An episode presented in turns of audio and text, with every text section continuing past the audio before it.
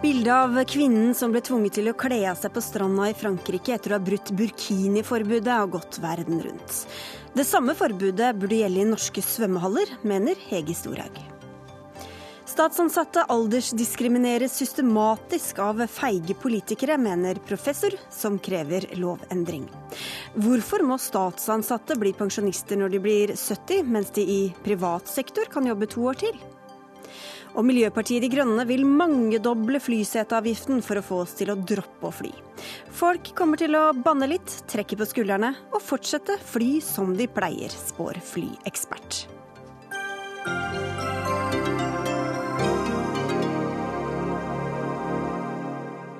Du hører på Dagsnytt 18 på NRK P2 eller ser på NRK2, hvor vi også rekker innom både astmamedisin og fredsforhandlinger i tillegg. Jeg heter Sigrid Solund. Et bilde av en kvinne omgitt av fire politimenn på stranda nedenfor promenaden i Nis er gått verden rundt. Hun ble tvunget til å kle av seg og ilagt 30 euro i bot for å være kledd på en måte som ikke viser respekt, og som ikke ivaretar god skikk og fransk sekularisme. Slik lyder nemlig hastevedtaket som lokale franske myndigheter innførte i kjølvannet av angrepet på strandpromenaden i Nis under feiringa av den franske nasjonaldagen, der 84 mennesker mistet livet. Lena Larsen, du er leder for Oslo-koalisjonen for tros- og livssynsfrihet ved Norsk senter for menneskerettigheter ved Universitetet i Oslo. Du er også muslim. Det er sikkert mange som husker deg som tidligere leder av Islamsk råd i Norge. Hvordan reagerte du da du så dette bildet? Jeg tenkte at dette var uh, sin syn på damen uh, som var på bildet. At dette måtte ha vært forferdelig ydmykende for henne å oppleve å, å bli tvunget til å kle av seg med fire bevæpnede politimenn rundt seg. Mm. Du bruker selv noe tilsvarende, eller hva er det du har på deg når du går i svømmehallen eller på stranda? Heldekkende badedrakt, men ikke burkini. Burkini er et varemerke. Ja, Men en heldekkende badedrakt? Ja. Fra topp til tå? Um, ja, opp til halsen. Og så en badehette, da. Mm.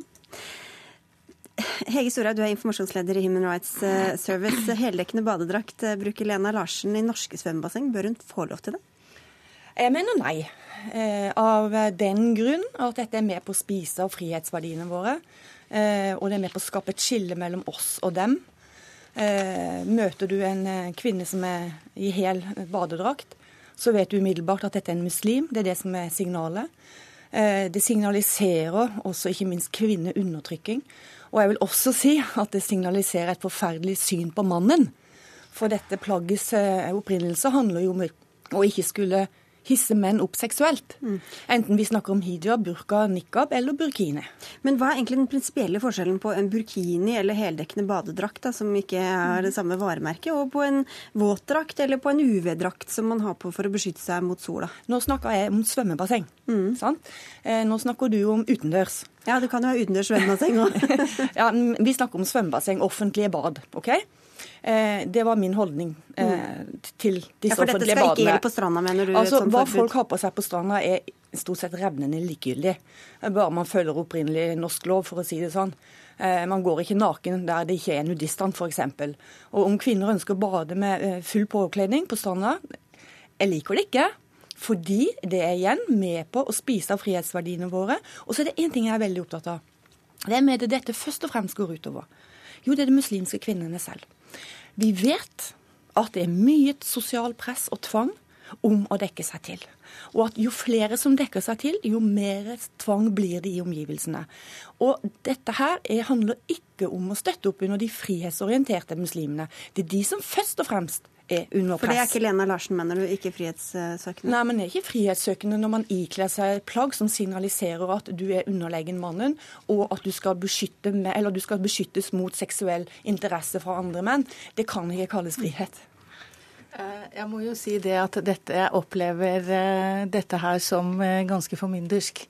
Uh, og at jeg tror at kvinnene skal få lov til å snakke for seg selv. Og om hvordan de opplever seg og sin kropp, og hva de ønsker. Og det vi vet, uh, er jo at muslimske kvinner er Det er mange sterke kvinner. Det er mange muslimske kvinner som ønsker frihet. og en heldekkende badedrakt har bidratt til, til reell frihet til å kunne bade der hvor menn bader. Men hvorfor kan man ikke bare gå i vanlig badedrakt, da? Man eh, har noen kleskoder for seg selv som man er bekvem med i forhold til en overbevisning. Eh, og, eh, og, og, så kler man seg deretter, på samme måte som andre vil føle seg bekvem på, eh, med en annen type klesdrakt. Og det er ikke noe verre enn det.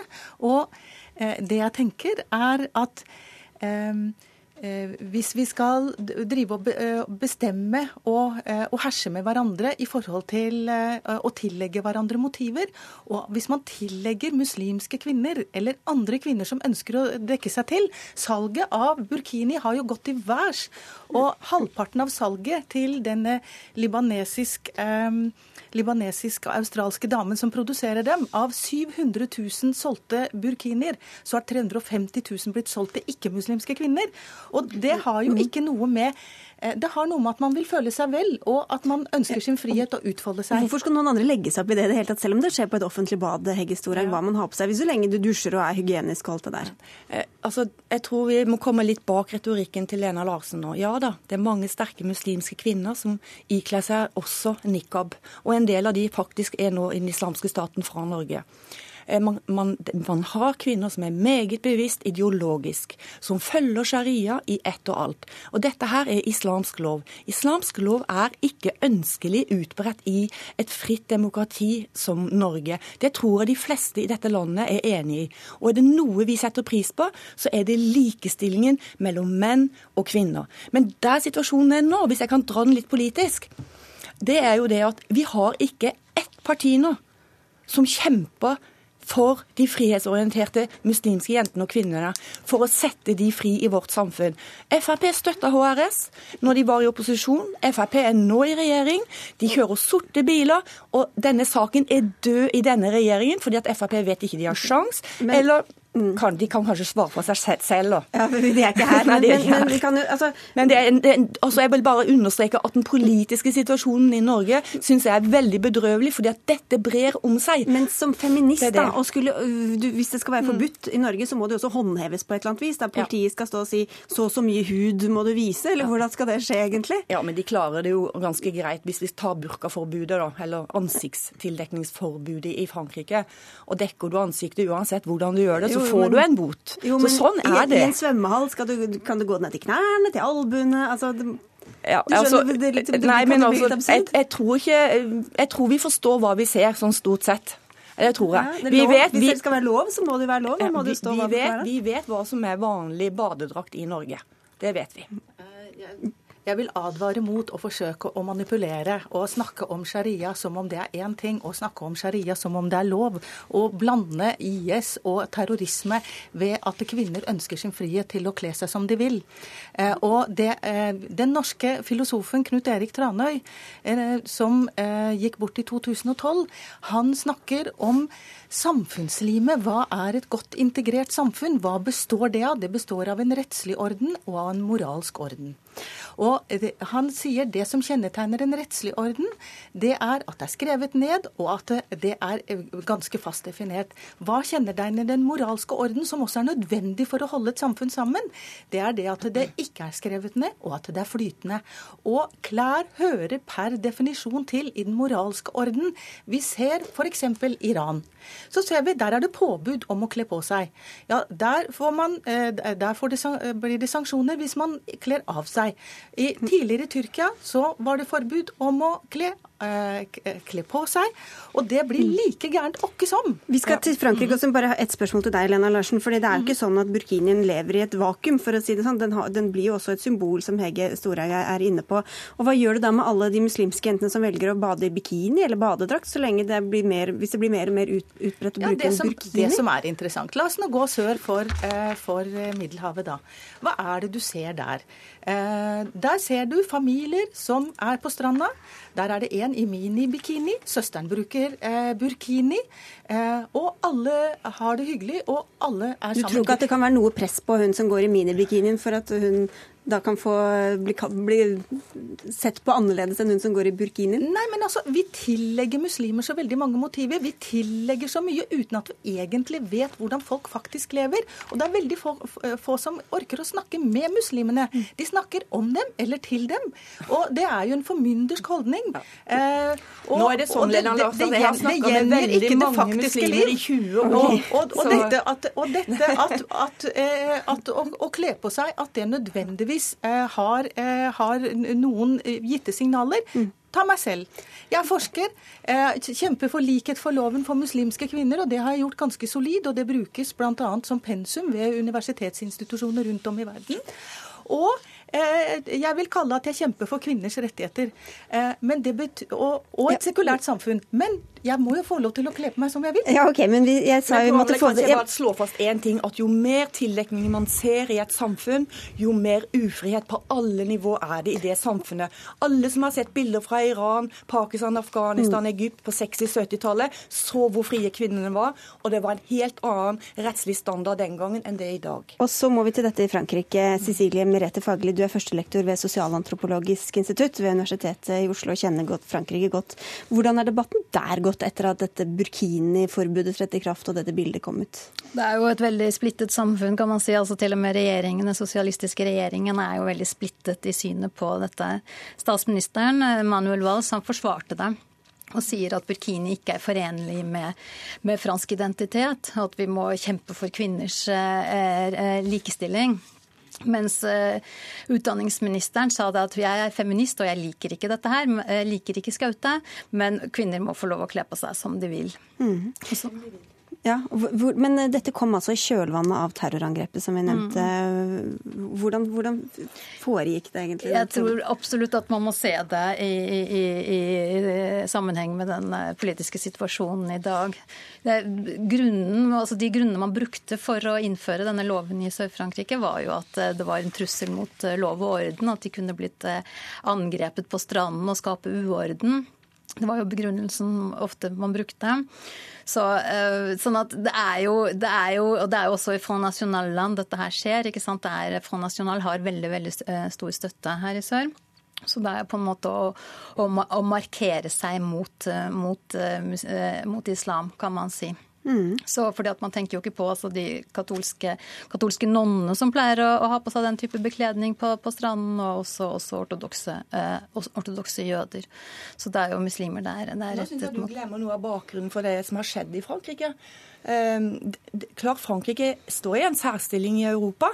For det er ingen land som har en så sterk sekularitet. Den er jo nedfelt mm. i 1905-lovverket. Og så fikk de denne veldig breie hijab-debatten knytta til skolene i 2003, som endte med et lovforbud mot prangende religiøse symbol i 2004. Og, og det handler jo ikke om å gå etter muslimene, men det handler om å sette kvinnene, jentene fri fri. Mm. Jeg har lest de rapportene som mm. kommisjonen som vurderte dette. Der var alle i kommisjonen mot et forbud når de starta arbeidet. Etter å ha møtt jentene i skolen og hørt deres gråt og hva de fortalte om ren uren, hore, ikke hore, i skolegården, så vedtok de dette forbudet. Det var for å beskytte muslimske jenter. Hva tror du ligger bak forbudet, Lena Larsen?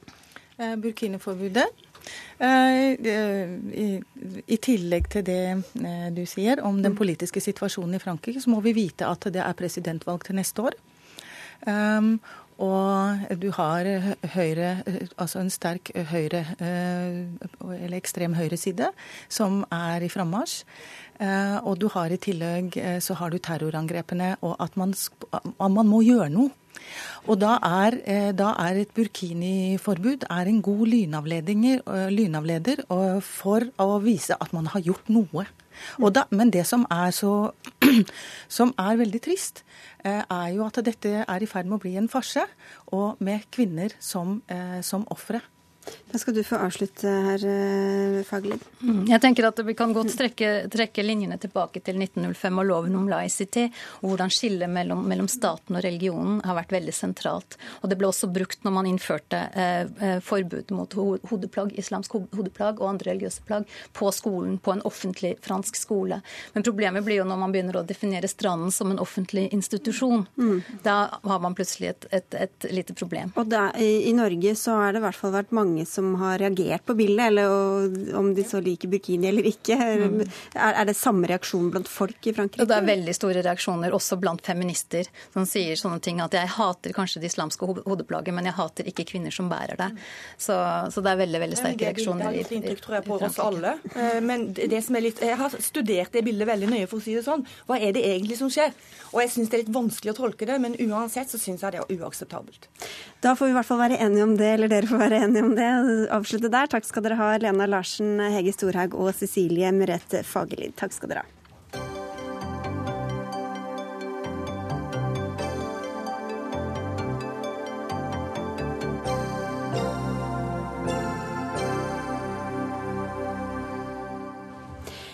Etter mer enn tre år med fredsforhandlinger og over 50 år med borgerkrig, er regjeringa i Colombia og FARC-geriljaen i landet endelig blitt enige om en fredsavtale. Med Norge og Cuba som tilretteleggere skal partene ha blitt enige om spørsmål knytta til politisk deltakelse, tilgang på jord og reintegrering av geriljasoldater. Nina Sander Lur, du er prosjektleder i organisasjonen Latinamerikagruppene, og dere støtter bl.a. bønder i Colombia og jobber tett med andre grasrotorganisasjoner i landet. Denne fredsavtalen blir bejubla fra mange kanter. Er det grunn til det? Ja, det vil vi absolutt si at det er. Det er en eh, fantastisk eh, mulighet for å bygge fred eh, og demokrati eh, i Colombia. Og det er eh, våre samarbeidsorganisasjoner helt eh, enig med å si. eller det er de som, de som sier det. Mm. og som, som, du også nevner, det er en historisk avtale. Det er et veldig godt rammeverk. Eh, og det er et veldig nødvendig med et land som har vært prega av overgrep og krig i veldig, veldig, veldig mange år. Og så er vi jo litt eh, opptatt av denne fordi at vi har vært tilrettelegger, eh, statssekretær for eh, Høyre i Utenriksdepartementet, Tore Hattrem. Hva er dere mest fornøyd med? Hva er de viktigste punktene i avtalen? La, la, meg også få lov til å gjenta eh, det historiske ved, ved avtalen. Eh, etter 52 års konflikt eh, så har man da kommet til, fram til en fredsavtale. Eh, hundretusener er blitt drept i løpet av disse 52 årene. Sju millioner er fordrevet. Så dette er, eh, dette er, veldig viktig. Jeg tror det sett fra vår, eh, vår, side, det viktigste med denne fredsavtalen det er at den er omfattende. Den omfatter viktige sektorer i det colombianske samfunnet, og den eh, tar tak i årsakene til, eh, til, konflikten. Jeg tror dette er en av de mest omfattende avtalene jeg er kjent med når det gjelder fredsavtaler, i den forstand at den virkelig berører årsakene til konflikten, og det er viktig. Men likevel er den kanskje ikke omfattende nok, sier ja, du? Det er jo absolutt vårt poeng. Eh, altså, vi er helt enige i at dette er en historisk viktig eh, avtale, og det er en nøkkel eh, for å kunne bygge en eh, fred nedenfra. Eh, men det er absolutt ikke omfattende nok. Det er en, et godt rammeverk og det er en intensjon, men Eh, det er de politiske forandringene som må til. Er det kun på en måte intensjoner i avtalen for. Det er en maktgruppe i Colombia som er ansvarlig for de fleste overgrepene mot sivilbefolkninga. Og det, vi kaller det for paramilitære grupper. Det er mange måter å, kalle, å, å, å liksom, gi de et navn på. Men det er altså store De er ikke inkludert i avtalen? De er ikke inkludert i avtalen. Dette er en avtale utelukkende med den største geriljagruppa FARC. Eh, de paramilitære hadde en eh, delvis med demobilisering i 2007 som eh, i beste fall eh, hadde en del mangler. Den var mm. ikke vellykka. Det er veldig mange av av eh, de som nå kommer ut av fengsler, og mange av de som aldri ble fengsla, og som driver veldig eh, ja, overgrep. De er ansvarlig for deler av narkotikahandelen.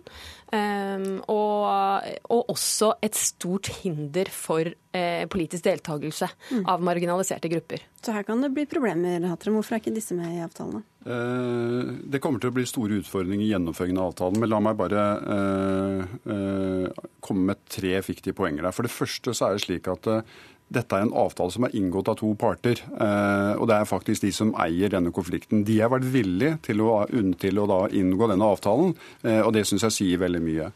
Når det gjelder volden, så har volden kommet fra begge parter. Fra myndighetshold, også fra, fra FARC. Paramilitære også. Nå er det også slik at Avtalen adresserer eh, også de paramilitære, fordi myndighetene forplikter seg i avtalen til tiltak mot eh, kriminelle nettverk, altså organisert kriminalitet. og Det er for så vidt det paramilitære er. Og også eh, arbeid for å fremme og styrke menneskerettighetene i Colombia. Vi skal ha med en tredjeperson her også. Deg, Ada Nissen, du er historiker, og du har skrevet doktorgrad om Norges rolle som mekler i internasjonale konflikter. For det er ikke første gang vi er involvert. Vi husker jo både Sri Lanka, Israel-Palestina, Guatemala bl.a. Hvordan har Norges rolle vært i denne fredsprosessen sammenligna med disse andre som jeg nevnte, og andre? Eh, den har vært eh, annerledes på noen punkter jeg mener er viktige. Blant annet så har eh, de norske meglerne, eller tilretteleggerne, holdt en lavere profil, både i mediene og, både i, og i Norge og Colombia og internasjonalt. Eh, Norge har sammen med Cuba vært til stede og observert forhandlingene. Eh, det er det ene. Og det andre er at man, jeg tror man har jobbet mer systematisk, og man har konsentrert seg om noen viktige områder der Norge har kunnet bidra sammen med andre aktører på kapasitetsbygging. Og de områdene er kvinner. Der har man samarbeida med UN Women. Og så er det eh, antipersonellminer. Eh, Colombia er et land der det er fryktelig mye miner. Der har Norge samarbeida bl.a. med Norsk Folkehjelp eh, for å iverksette et program som skal nøytralisere så mange miner som mulig. Og så er det overgangsrettferdighet, som kanskje er det viktigste eh, spørsmålet og det vanskeligste i denne konflikten. Og der har Norge, sammen med flere andre land, Eh, satt sammen en gruppe av eksperter på internasjonal eh, strafferett som har bidratt eh, til å, å lage en avtale som er så god som mulig på det området. Så jeg tror rett og slett at man har jobbet mer systematisk. Og det er jo positivt, men så er det nyanser her også, Ullur? Mm. Eh, absolutt veldig mye positivt. Eh, jeg har ikke lyst til å være festbremsen her i dag jo, og si at eh, Men det er klart at eh, fra, fra våre samarbeidsorganisasjoner og fra eh, veldig mange grasrotorganisasjoner, spesielt bondebevegelsen i Colombia, så hører vi jo at eh, årsakene til konflikten, som jo eh, er utgangspunktet for, for eh, denne fredsavtalen, eh, handler mye om skeiv jordfordeling. Det er veldig, Som i veldig mange andre latinamerikanske land, så er det veldig, veldig skeiv jordfordeling. Eh, og det er jo et av forhandlingspunktene her også. Eh, og der har vi eh, en, en litt sånn eh, et horn i sida, mm. til, til litt Norge som tilrettelegger. Fordi da innledende samtaler eh, starta i 2012. Eh, og også før det så hadde FARC en sånn tipunktsliste over ting, et stridsspørsmål, kan man si. Altså ting som måtte forhandles om. Og en av de tingene var at de var sterkt imot eh, inngåelse av flere frihandelsavtaler. Høsten 2014 så, inn, så skrev Norge og EFTA-landene ned under på en frihandelsavtale, samtidig som vi var tilrettelegger i samme prosessen. Og eh, Grasrotorganisasjonene eh, i Colombia mener at frihandelsavtaler forsterker eh, den skeive jordfordelinga. Så hva gjør det med Norges nøytralitet under disse forhandlingene? Etter dem? Jeg skal komme til dette med frihandelsavtalen, men la meg først si litt om dette med eh, landsbyutvikling og jordbruk. For det er helt, den, en av de viktigste delavtalene. Kan du ikke heller svare på det jeg spurte om? Da? Jo, altså hvis du, hvis du går på, eh, på, dette med frihandelsavtale. Den frihandelsavtalen ble underskrevet i 2008. Det er fire år før vi faktisk fikk en rolle i, eh, i, i fredsprosessen. Eh, for det andre så er det slik at uh, norske handelsinteresser de, uh, de, må ses uavhengig av dette. Altså vi, vi, kan ikke gi avkall på våre nasjonale handelsinteresser fordi vi uh, spiller en tilretteleggerrolle. Og FARC har aldri brakt opp frihandelsavtalen i Så det har ikke ødelagt for noen ting? Absolutt ikke. Mm. Den ble ratifisert i 2014. det er sånn riktig. Den er ratifisert, men underskrevet i 2028. Ja. Men bare for, tilbake til Norges rolle som fredsmekler også i andre konflikter. Hva er det du sa vi hadde kanskje, jeg vet ikke, jeg tolka det som om vi har vært litt selvopptatt i tidligere prosesser. Hva er det vi, hva er det vi har gjort gærent? Det er ikke akkurat solskinnshistorier alt fra enten det er Sri Lanka eller Israel og Palestina vi snakker om. Nei, altså la meg først si at Norge har gjort mye bra også. Um, men hvis vi skal gå tilbake til Oslo-prosessen på 90-tallet, så er det vel en kjent sak at det eh, endte med en dårlig avtale som i stor grad gikk i Israels favør. Eh, mye fordi Norge var en, en megler uten veldig sterke maktmidler, og forhandlingene foregikk i stor hemmelighet på siden av det amerikanske sporet. Man tok heller ikke for seg viktige substansielle spørsmål, eh, men bestemte seg for å lage en rammeverksavtale der man skulle ta de viktige spørsmålene, om f.eks. Eh, territorium, Jerusalems status, palestinske flyktninger og sånn, eh, senere. Mm. Eh, og det slo uheldig ut. Eh, I Sri Lanka så var det andre ting som gjorde at, eh, at, ting ikke gikk som det skulle. Det var ikke Norges ansvar eller skyld alene at den eh, fredsprosessen der endte med en militær løsning. Men eh, Norge var veldig aleine. Og jeg mm. tror man i Sri Lanka mye tidligere kunne ha gjort mer for å etablere et internasjonalt sikkerhetsnett som, som ville være til stede dersom prosessen skled ut. Vi, vi, trenger ikke å gå inn i de forhandlingene, Hatre, men hva er det man har lært, da? Som eh, får, mer, får dere mer ros denne gangen? Hva er det lært av de tidligere fredsviklingsprosessene? Jeg tror det er viktig å understreke at dette er et uh, type arbeid Norge har holdt på med i veldig mange år. Og, uh, og vi blir stadig bedre fordi vi lærer av, av de erfaringene vi gjør oss. Uh, og de har gitt nyttig erfaring, de fredsprosessene fredsprosessen. Er du enig i de erfaringene? Er det, er det en... Nei, jeg er ikke enig. fordi at Når det gjelder Midtøsten og tostats- eh, og eh, Oslo-avtalen, så er det ikke slik at eh, når Arafat på vegne av det palestinske folk inngår en avtale, så er det fordi at han mener at dette er i palestinernes interesse. Og Derfor får min meddebattant Ada å si da at dette var en dårlig avtale. Og Det er tross alt partene som eier avtalen. Og Det er det samme her i Colombia. Det er de som er satt til å ivareta sine, sine, folks interesser. Når de inngår en avtale, så er det vanskelig for oss utenfra å si at dette er en dårlig avtale på vegne av det colombianske folk. Vi snakker ikke på vegne av det colombianske folk. Så jeg syns det er liksom å være litt ydmyk når det gjelder det å undergrave det andre parter faktisk er villige til å inngå. Som er generelt mm, ja, Nå er jo ikke vi her for å diskutere Arafat, men jeg vil bare legge til at Arafat satt i eksil i Tunis og var under veldig sterkt press da den avtalen ble undertegnet. Så spørsmålet er hvilket eh, politisk handlingsrom han egentlig hadde. Mm. Så vil jeg legge til at uh, dette med eierskap blir jo gjentatt her flere ganger.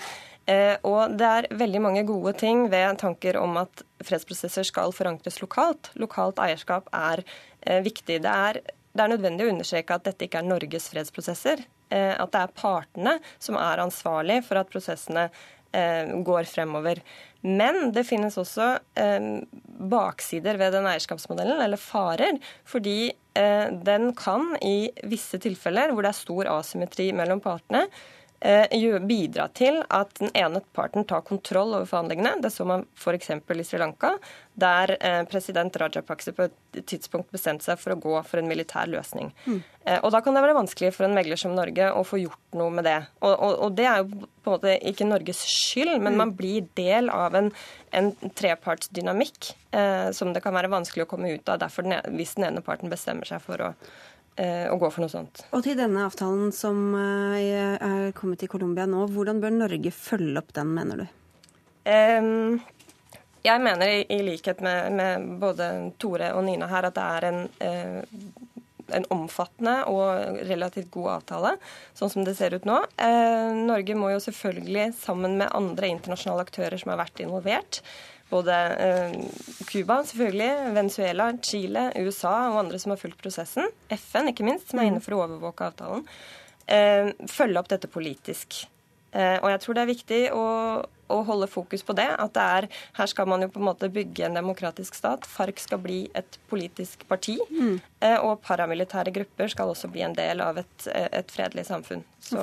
Det forplikter litt, da, Tore Hatrem? Det gjør det, men nå, det som er viktig nå, nå skal denne avtalen offisielt undertegnes i september. og Så skal det være en folkeavstemning. Mm. Og, og, vi håper og tror eh, at det kommer til å bli et klart flertall for dette. Det kommer til å være mange utfordringer her knyttet til miner, knyttet til gjennomføring av avtalen. Eh, kanskje er det andre opprørsgrupper som prøver å ta FARCs plass når de integreres inn i det politiske system. Men det vil være en FN-overvåkingsmisjon. Norge vil delta. Norge støtter det. Norge støtter eh, det, eh, arbeidet for å fjerne miner. Vi fortsetter og, og, vil fortsette å ha en rolle i gjennomføring av denne fredsprosessen. Men det kommer til å være utfordringer. Men dette er en historisk avtale for det colombianske folk. Da fikk vi slått fast det for femte gang, eller hva? Ja. og denne avstemninga er altså 2. oktober. Vi får si takk til dere i denne omgang, Tora Hatrem fra Utenriksdepartementet, Ada Elisabeth Nissen fra Universitetet i Oslo og Nina Sander-Lur fra Latin-Amerika-gruppene.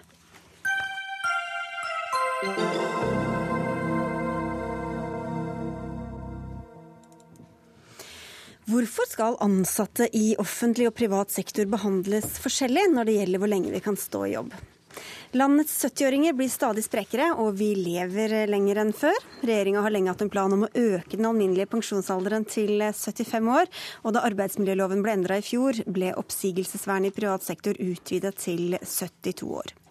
Men for 300 000 arbeidstakere som er med i Statens pensjonskasse, gjelder også tjenestemannsloven, og der er den alminnelige aldersgrensa bare 70 år. Og I en kronikk i Dagens Næringsliv denne uka skriver du Arne Holte, du er professor i helsepsykologi ved Universitetet i Oslo og tilknytta også Folkehelseinstituttet, at dette er aldersdiskriminering. Hvordan foregår denne diskrimineringa? Ja, Det er jo ganske underlig at uh, man har vedtatt en allmenn regel om en aldersgrense på 72 år i landet, som ikke gjelder for statsansatte. Akkurat som det skulle være sånn, sånn at uh, den økte levealderen bare finner sted i det private og ikke i, i, i det offentlige. Uh, dette er jo helt forunderlig. Mm. Dette fører til at vi får en systematisk diskriminering av alle som arbeider i staten, helt formelt de som er medlem av Statens pensjonskasse. Rett og slett ved at de sparkes ut av jobben sin, uavhengig hvor lønnsomme de er, uavhengig hvor produktive de er, uavhengig hvor kompetente de er. Og mange av dem har høy spisskompetanse som er ettertraktet i landet. Og disse folkene lukes altså til Yale i USA, til Stanford, altså til verdens beste universiteter. Noen av dem.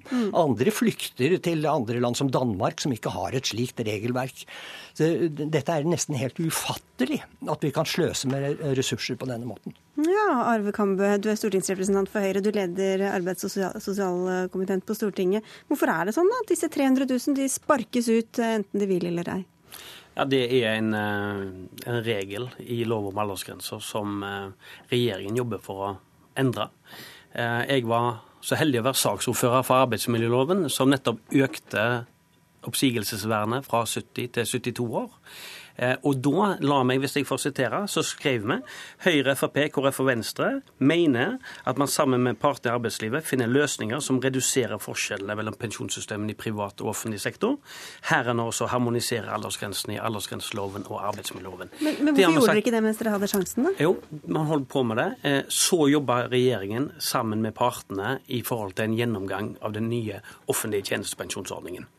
Den stoppet dessverre i mai. Som en del av lønnsoppgjøret, når partene ønsker å ha streikerett på pensjon, så på en måte da, da stoppet hele prosessen. Så regjeringen ønsker at den prosessen skal komme i gang igjen. Og Høyre, Frp, KrF og Venstre har ettertrykkelig sagt at det, skal, det er ingen bedre argumenter i privat sektor enn i offentlig sektor. Så vi appellerer til, til partene i arbeidslivet om å komme sammen igjen for å få behovet for en ny offentlig tjenestepensjon på sporet, og derigjennom har vi muligheten til å ta dette videre. Men kunne dere ikke gjort det mens dere hadde saken på bordet i fjor, da? Nei, for det var arbeidsmiljøloven. Mm. Som du er inne på, så er det et par andre lover. Tjenestemannsloven den har vi gjennomgang på. Den kommer til Stortinget nå i høst. Det blir noe korrigert. Og så er det sånn altså Vi har to andre lover. Vi har den loven som egentlig vi snakker om, som er lov om, eh, om pensjonsalderen her. Og så har vi i tillegg universitets- og høyskoleloven. Så dette er himla komplisert. Og det prøver vi å rydde opp i steg for steg. Alvorlig talt. Her har vi en statsminister som i dag til NRK går ut og sier at landet står overfor store omstillinger, og at vi må forvente å stå lenger i arbeid, og at vi må satse på kompetanse. Mens det man altså gjør, er nettopp det helt motsatte. Man, man, kutter ut og kaster ut kompetent arbeidskraft, og man sørger for at de står kortere i arbeid. Det er to ting du kan gjøre. Det ene er å endre den paragrafen i arbeidsmiljøloven som, eh, som sier at man kan si opp folk ved 70, fylte 70 år uten saklig begrunnelse. Og det andre du kan gjøre, det er å endre loven om aldersgrense i staten og si at den skal være 72 år. Punktum. Og dermed er problemet løst. Du sier politikerne er feige, sier du? Ja, jeg syns det er feigt. Jeg syns det er feigt fordi man på denne måten overskyver hele problemstillingen over til Universitetet i Oslo, universitetene rundt omkring, og til de enkelte uh, statsinstitusjonene, som Folkehelseinstituttet, mm. som er pålagt kutt, som får kutt i budsjetter, er pålagt å trappe, trappe ned, og derfor ofte ikke har annet enn å, å, å gjøre enn å bare skjære alle over én kam. Vi, vi er ikke feige, for dette har vi nettopp gjennomført. Vi gjorde det mot eh, NHO, LO, de store arbeidstakere arbeidsgiverorganisasjoner sine ønsker. Vi kjørte gjennom i Stortinget i fjor med Høyre, Frp, KrF og Venstre og Senterpartiet var med på det. Og så har vi også sagt at vi skal videre i staten. Men det vi sa, at dette må vi gjøre i nær dialog med partene i arbeidslivet. Mm. Den var vi i gang med. Den skal vi få tilbake til å etablere. Og Det å få endringer i statlig sektor, det er større.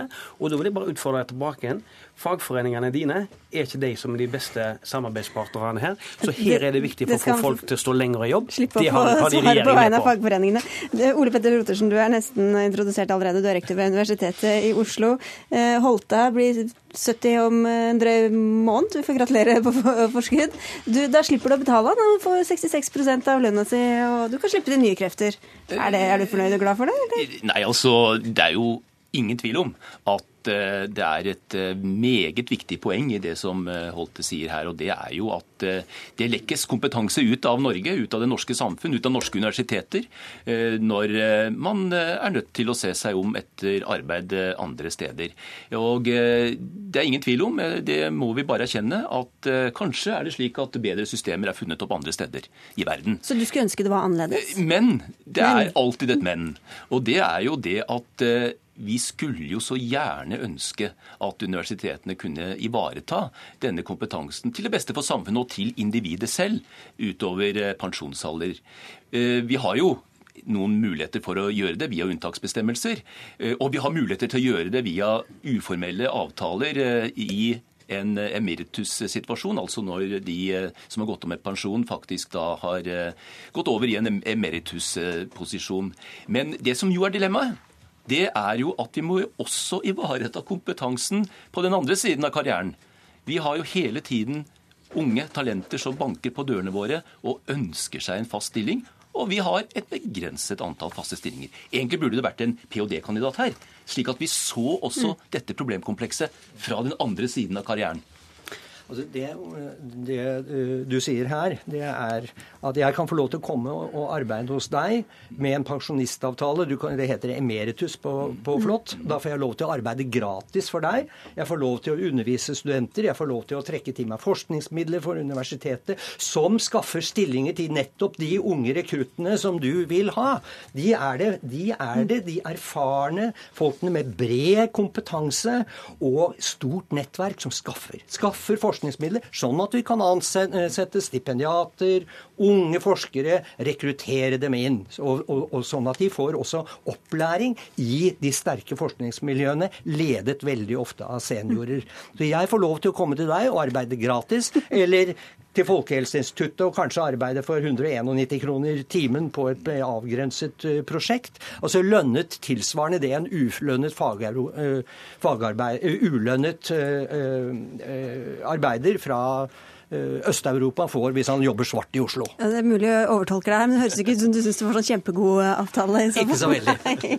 Det er jo noe som heter Statens pensjonskasse. da. Det er vel slik at man sitter igjen med en betydelig del av den lønnen man hadde når man gikk av. 66% Ja. Mm. Eh, og i tillegg så Forutsetning av full opptjeningstid. Det, det betyr at du har jobbet i staten ja. i 30 år. Ja. Mm. Men så har jeg bare lyst til å si det, at, eh, og det vet jo eh, Holte veldig godt, at det er svært mange Eh, pensjonister hos oss som jobber eh, utover pensjonsalder, som er veldig fornøyd med det systemet vi har, eh, og som trives i de, men, innenfor de avtalene som kan etableres. Som han nevner også, Bernt Hagsvedt, en gammel kjenning her.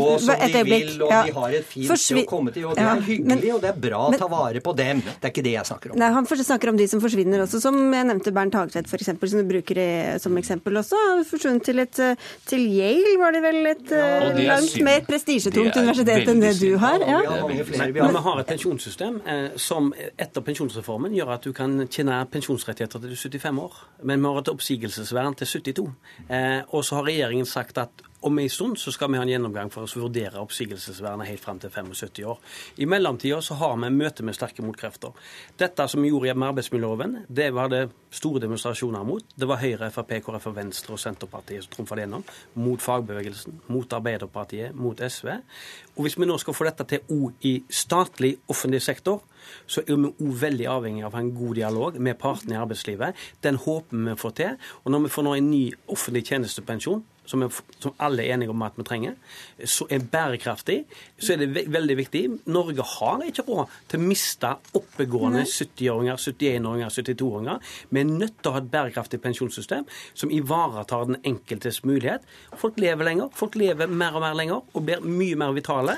Det er, nødt, det er Norge nødt til å ta men, men spørsmålet er om det er økonomiske insentiver også for staten på å beholde folk i jobb, hvis de da kan sparke dem ut når de er 70 og bare betale 66 ja, det, For den enkelte institusjon så er det jo eh, økonomisk lønnsomt selvfølgelig å få inn yngre. Men for Norge som helhet, som ja, Stortinget og regjeringen skal gjøre Det er jo ikke systemet lagt opp til at det skal fungere sånn. Det er sånn, derfor vi sier vi prøver jo også å gjøre dette. Eh, og da handler dette om å få en, både en tjenestemannslov, eh, en universitets- og høyskolelov som harmonerer sammen med arbeidsmiljøloven. på mye grad. Og så har vi ett mål til. Det er nettopp å redusere bruken av deltid i staten og offentlig, og særlig på universitets- og høyskoler, som er et viktig mål for regjeringen, som bidrar til å sikre pensjonsinnbetalingene også. La meg få lov til å legge til på det helhetlige perspektivet. Arbeidet er en av våre viktigste kilder til god psykisk helse. Yes, yes. Og hvis du vil ha ned utgiftene til eldrebølgen, ja. så vil du ha friske, oppegående, glade, psykisk sunne og opplagte eldre. Hold det med arbeid. Det er kilden til følelse av identitet og selvrespekt, mm. til mening i livet, til følelse av mestring, tilhørighet, trygghet, deltakelse, fellesskap. Okay, alt som alt er bra for psykisk helse. Men hva med de unge, da, som ikke er så unge i universitetssektoren? De er vel sånn 40-50 år før de får fast ansettelse, som står og banker på døra og vil ha jobben din? Ja, men de, de vil ikke ha jobben min, de vil ha jobb. Og det er jeg, jeg ikke nødvendigvis meg, men, men altså det er de aktive forskerne som skaffer som jeg sa, midler nettopp til dette. Driver forskningsprosjekter med stipendiatstillinger, med såkalte postdoktorstillinger, eller altså unge forskerstillinger. Så, så, det, så det man gjør her, er å skyte seg selv i foten. Ja, jeg tror også Arne Holte må, må, innse at det er et dilemma her. Ja. For eh, det er unge som ønsker seg inn i et karriere, karriereløp. Og eh, det er trangt om plassen. Det er få stillinger. Og eh, da er det enkel matematikk å se at ja, vi kan gjerne prøve å sikre kompetansen hos eh, de eldre så lenge som mulig, men det vil få konsekvenser på den andre enden av karrierestigen. Samtidig så tar det jo lang tid før man blir eh, et øyeblikk, Holte. Det tar også lang tid før man blir ansatt. Det er en omfattende prosess. Det er kostbart og tidkrevende å ansette noen på et universitet. Så hvor er lønnsomheten? Det er jo å sparke dem ut etter at de kanskje har vært der i 20 år. Det er også noe som heter midlertidighet, som vi strever med, naturlig nok. Vi er pålagt å redusere midlertidigheten. Det er også noe vi må bringe inn i bildet her, og henger veldig mye sammen med den problematikken vi eh, diskuterer. Men kunne dere ikke utnytta ressursene bedre ved å ha dem gående lenger, selv om dere da måtte ta av egen lomme?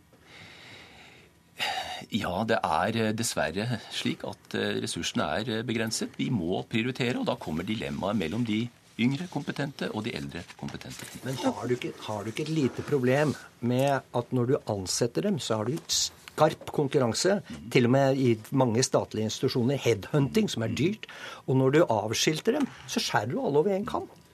Og Derfor så er det faktisk, eh, ja vi har jo faktisk diskutert det tidligere, en mulighet at man kunne ha en pott midler til rådighet for de som eh, har fylt 70, men da på competitive basis. Altså at man konkurrerer om eh, noen ressurser, slik at noen kan gå inn i en fast stilling lengre. Men dette er ikke diskutert. og dette er kanskje en av mulighetene man kan se på for å løse denne problematikken. Vi må sette, vi får ønske deg... Der var, der var det en liten fot i det. ja, du får prøve deg på konsulentmarkedet, tror jeg, Arne Holte. Takk skal du ha. Gratulerer med dagen på forskudd. Ja, det er støtt igjen, da. Takk. Takk også til dere, Arve Kambe og Ole Petter Ottersen.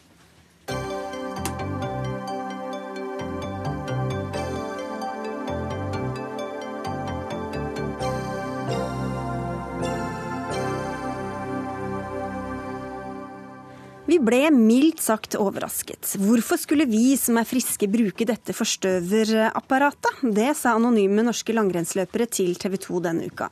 De hevder de ble tilbudt astmamedisin før renn sist vinter. Bruken av astmamedisin i toppidretten er omstridt, særlig etter at langrennsløper Martin Jonsrud Sundby ble dømt for å bryte WADA-reglementet gjennom feil bruk av den lovlige astmamedisinen Ventolin. Langrennssjef Vidar Løfshus, kjenner du til at friske utøvere har fått astmamedisin? Nei, det gjør jeg ikke, og det beror jo på ei, misforståelse. Men først må jeg få si at jeg er oppriktig lei meg for at på en måte langrenn og langrennssporten kommer i et sånt lys. For det er jo mange som jobber med langrenn, er stor dugnadsånd, og mange unge og friske og raske utøvere som trener hver dag. For å bli best mulig, og da er det veldig ufortjent at de får ei sånn, sånn lekse. Så. Men sånn er det, det har det blitt. og nå Det er ikke de som får det, det er vel systemet som får det, egentlig? Så, ja, men det blir jo på en måte ei skramme, en sånn negativ omtale blir jo på en måte ei skramme for hele langrennssporten, så det syns jeg jo er veldig beklagelig. Men du sier, det er en, du sier det er en misforståelse. Hva er det som er misforstått? Ja, vi,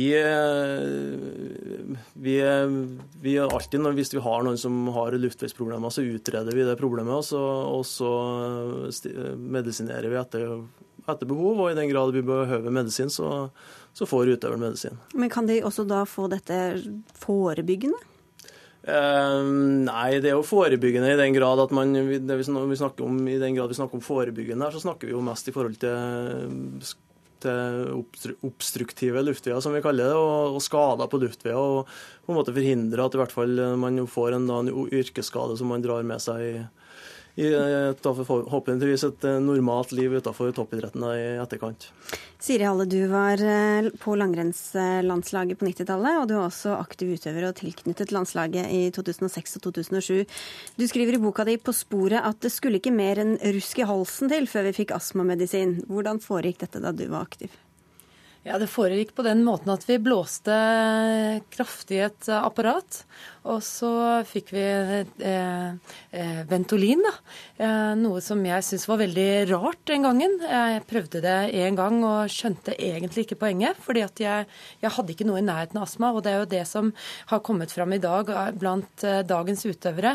Og jeg har jo fulgt eh, idretten hele veien og er egentlig litt lettet for at noen andre også har kommet frem, dog anonymt. Men det bekrefter jo at det brukes i dag, også av de som eller ja, iallfall anbefales brukt av, eh, overfor de som ikke har astma, da. For du tror på det, disse anonyme påstandene? Ja, det gjør jeg absolutt. Hva, hvorfor det? Nei, for jeg kjenner miljøet veldig, eh, veldig, godt. Jeg har jo vært en del av det, og er det fortsatt. Og eh, eh jeg merket meg også det at etter det som kom i VG i sommer, så er jeg blitt kontaktet av flere utøvere rett oppunder landslaget som syns det er eh, merkelig at man blir astmatiker, nær sagt, når man kommer på landslaget. Ja, Løfshus. Ja, de, de påstandene stemmer jo selvsagt ikke. og jeg var jo så heldig at jeg var på junior-VM sammen med Siri Halle i, i 1991. og tok de, tok de samme medisinene Den reunion kan dere ta etterpå. og, tok, og tok de samme medisinene og gikk nok gjennom den, den, samme testen sammen med da, den legen som nå er avdød, og som da hadde regimet der. Men eh, som man sier, avviser på det sterkeste at vi behandler folk med astmamedisin når de er friske. Som jeg sier, at I den grad vi, det er medisinsk indisert, så, så behandler vi etter det. og Det kan være slimløsende, det kan være vanlig saltvannsoppløsning, det kan være, og det kan være da eh, eh, medisiner som òg brukes for astmabehandling. Det er jo litt bukken som passer havresekken. For det, er, eh, det er rett og slett landslagslegen som diagnostiserer. Så mm, man kan jo spørre seg om en uavhengig lege ville kommet fram til samme mm. diagnose da. Ja, igjen så er det jo da faktafeil. for uh, i forhold til det som Når det går direkte på astma, så har vi, gjennomfører vi en screeningprosess uh, hvert år med våre utøvere. og I den grad du får påvist astma, og det gjør vi da på NIH, uh, på, det, som, det miljøet da, som brukes for å screene om man faktisk har astma. Og Da får man i så fall påvist en astma, så behandler vi deretter. Det kan være en allergisk astma, det kan være en medfødt astma, og det kan være en, en astma som er, påført på, på, bakgrunn av eh, anstrengelser. Men det er mange som reagerer her. Da. Antidoping Norge skriver at de reagerer sterkt på dette. Dagbladet skriver at idrettspresident Tom Tvedt har kalt inn til Skiforbundet. Den uh, finske antidopingsjefen uh, reagerer. Er, hvor godt undersøker dere om det faktisk er hold i noen av disse påstandene? Nå kom jeg fra et møte med Antidoping Norge på tirsdag, der vi gikk gjennom våre rutiner. og jeg beklager jo på det sterkeste at Antidoping Norge ikke tok en telefon til meg før de dundra ut med pressemelding i morges på, på, på, veldig tynt, tynt grunnlag på, da, på, bakgrunn av anonyme kilder til en, en TV-kanal i Norge. Så det, det syns jeg var synd, og det, det, har jo påpekt Antidoping Norge senere i dag at eh, det er ikke sånn vi må kommunisere. Vi må lære oss å kommunisere på en ordentlig måte, ikke via pressemeldinger. Men er du helt sikker, altså kan du vite helt sikkert at dette ikke skjer? Ja, det kan jeg. Som jeg sier, vi, vi foreskriver ikke astmamedisin til friske utøvere. Vi, vi, foreskriver medisiner og behandler utøvere som enten har luftveisinfeksjoner, enten er astmatisk eller har sterk slimdannelse, sånn at vi, vi hjelper dem opp på et, et normalt nivå i forhold til det de trenger av ventilasjon i forhold til prestasjoner. Halle? Ja, eh, jeg så jo senest i dag et intervju med Petter Northug, jeg tror det var på TV 2. Eh, og da sier han at det er mange på landslaget som bruker eh, har fått eller bruker astmamedisin. Og det er jo ikke så mange på landslaget. Og astmamedisin, altså det er friske mennesker vi snakker om, så så mange kan umulig ha astma. Nei, Diagnosen sitter kanskje litt løst, da? Eller? Nei, nei, nei, det blir å ta det helt ut av, av virkeligheten. Og det, som jeg sier, I den grad folk blir diagnostisert med, med, astma, så får de astmamedisin. og Da behandles de hele året, året rundt, og de, det oppfordrer dem til å gjøre. Og så er det da, som jeg sier, På veien fram i løpet av en sesong så oppstår det situasjoner, om det, da, som jeg sier, da, om det er luftveisinfeksjoner, om det er slimdannelse i luftveien, eller om det er faktisk da utøvere som i løpet av sesongen ut, eh, utvikler anstrengelsesastma eller andre typer astma, så, så, behandler vi deretter. Så det, ja, som jeg si. det, er tatt ut av den løse lufta. Vi kommer vel ikke lenger. Vi får si tusen takk til dere begge to. Siri Halle, tidligere norsk langrennsløper, og Vidar Løfse, som altså er landslagssjef i langrenn. Takk skal dere ha.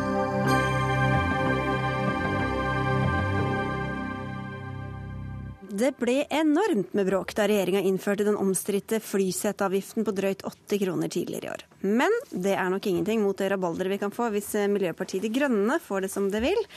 I utkastet til arbeidsprogram som ble lagt fram i dag, går det nemlig inn for mangedobling av flyseteavgiften. På den måten vil partiet fjerne hver tredje flyavgang innen 2030. Ingrid Lillian, du er leder av programkomiteen for Miljøpartiet De Grønne. Hvem er det dere tror kommer til å fly mindre hvis dere mangedobler denne avgiften? Altså, poenget her er jo å redusere en forurensende flytrafikk. Eh, vi er nødt til å gå gjennom et grønt skifte i Norge nå. Da må vi bygge opp en infrastruktur for et transportsystem som er miljøvennlig, og som kan vare i lang, lang tid. Så Derfor så er vi nødt til å bygge tog, vi er nødt til å bygge miljøvennlige alternativ, og på den måten redusere antall flyreiser. Men nå var det jo flyavgiften vi skulle snakke om, da. Mm. Hvem er det du ser for deg at kommer til å la være å fly hvis man da mangedobler denne avgiften? Altså, Vi ønsker jo å redusere flyreiser generelt, og den flyseteavgiften er, eh, er ett lite virkemiddel for å få til det. Eh, Poenget er jo at det skal finnes et alternativ, sånn at de som ikke reiser med fly, skal ha et annet alternativ å bruke istedenfor. Ja, men igjen, hvem er det du tror kommer til å velge bort flyreisende? Jeg håper det er alle. Jeg håper det er de som reiser på forretningsreise, jeg håper det er de som reiser på ferie, som bruker tog istedenfor mellom de store byene i Sør-Norge. Espen Andersen, du er førsteamanuensis for BI. Du flyr mye rundt og holder foredrag. Kommer du til å la være å gjøre det hvis du må betale 600 kroner ekstra? Nei, jeg tror ikke jeg kommer til å fly noe særlig mindre. Jeg tror heller ikke forretningsreisende, som står for rundt 60% av trafikken, eh, vil fly særlig mye mindre.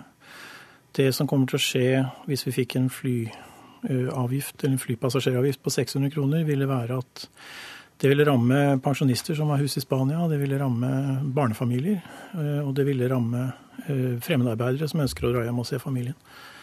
Og det ville også gått utover arbeidsplasser. Rygge forsvant.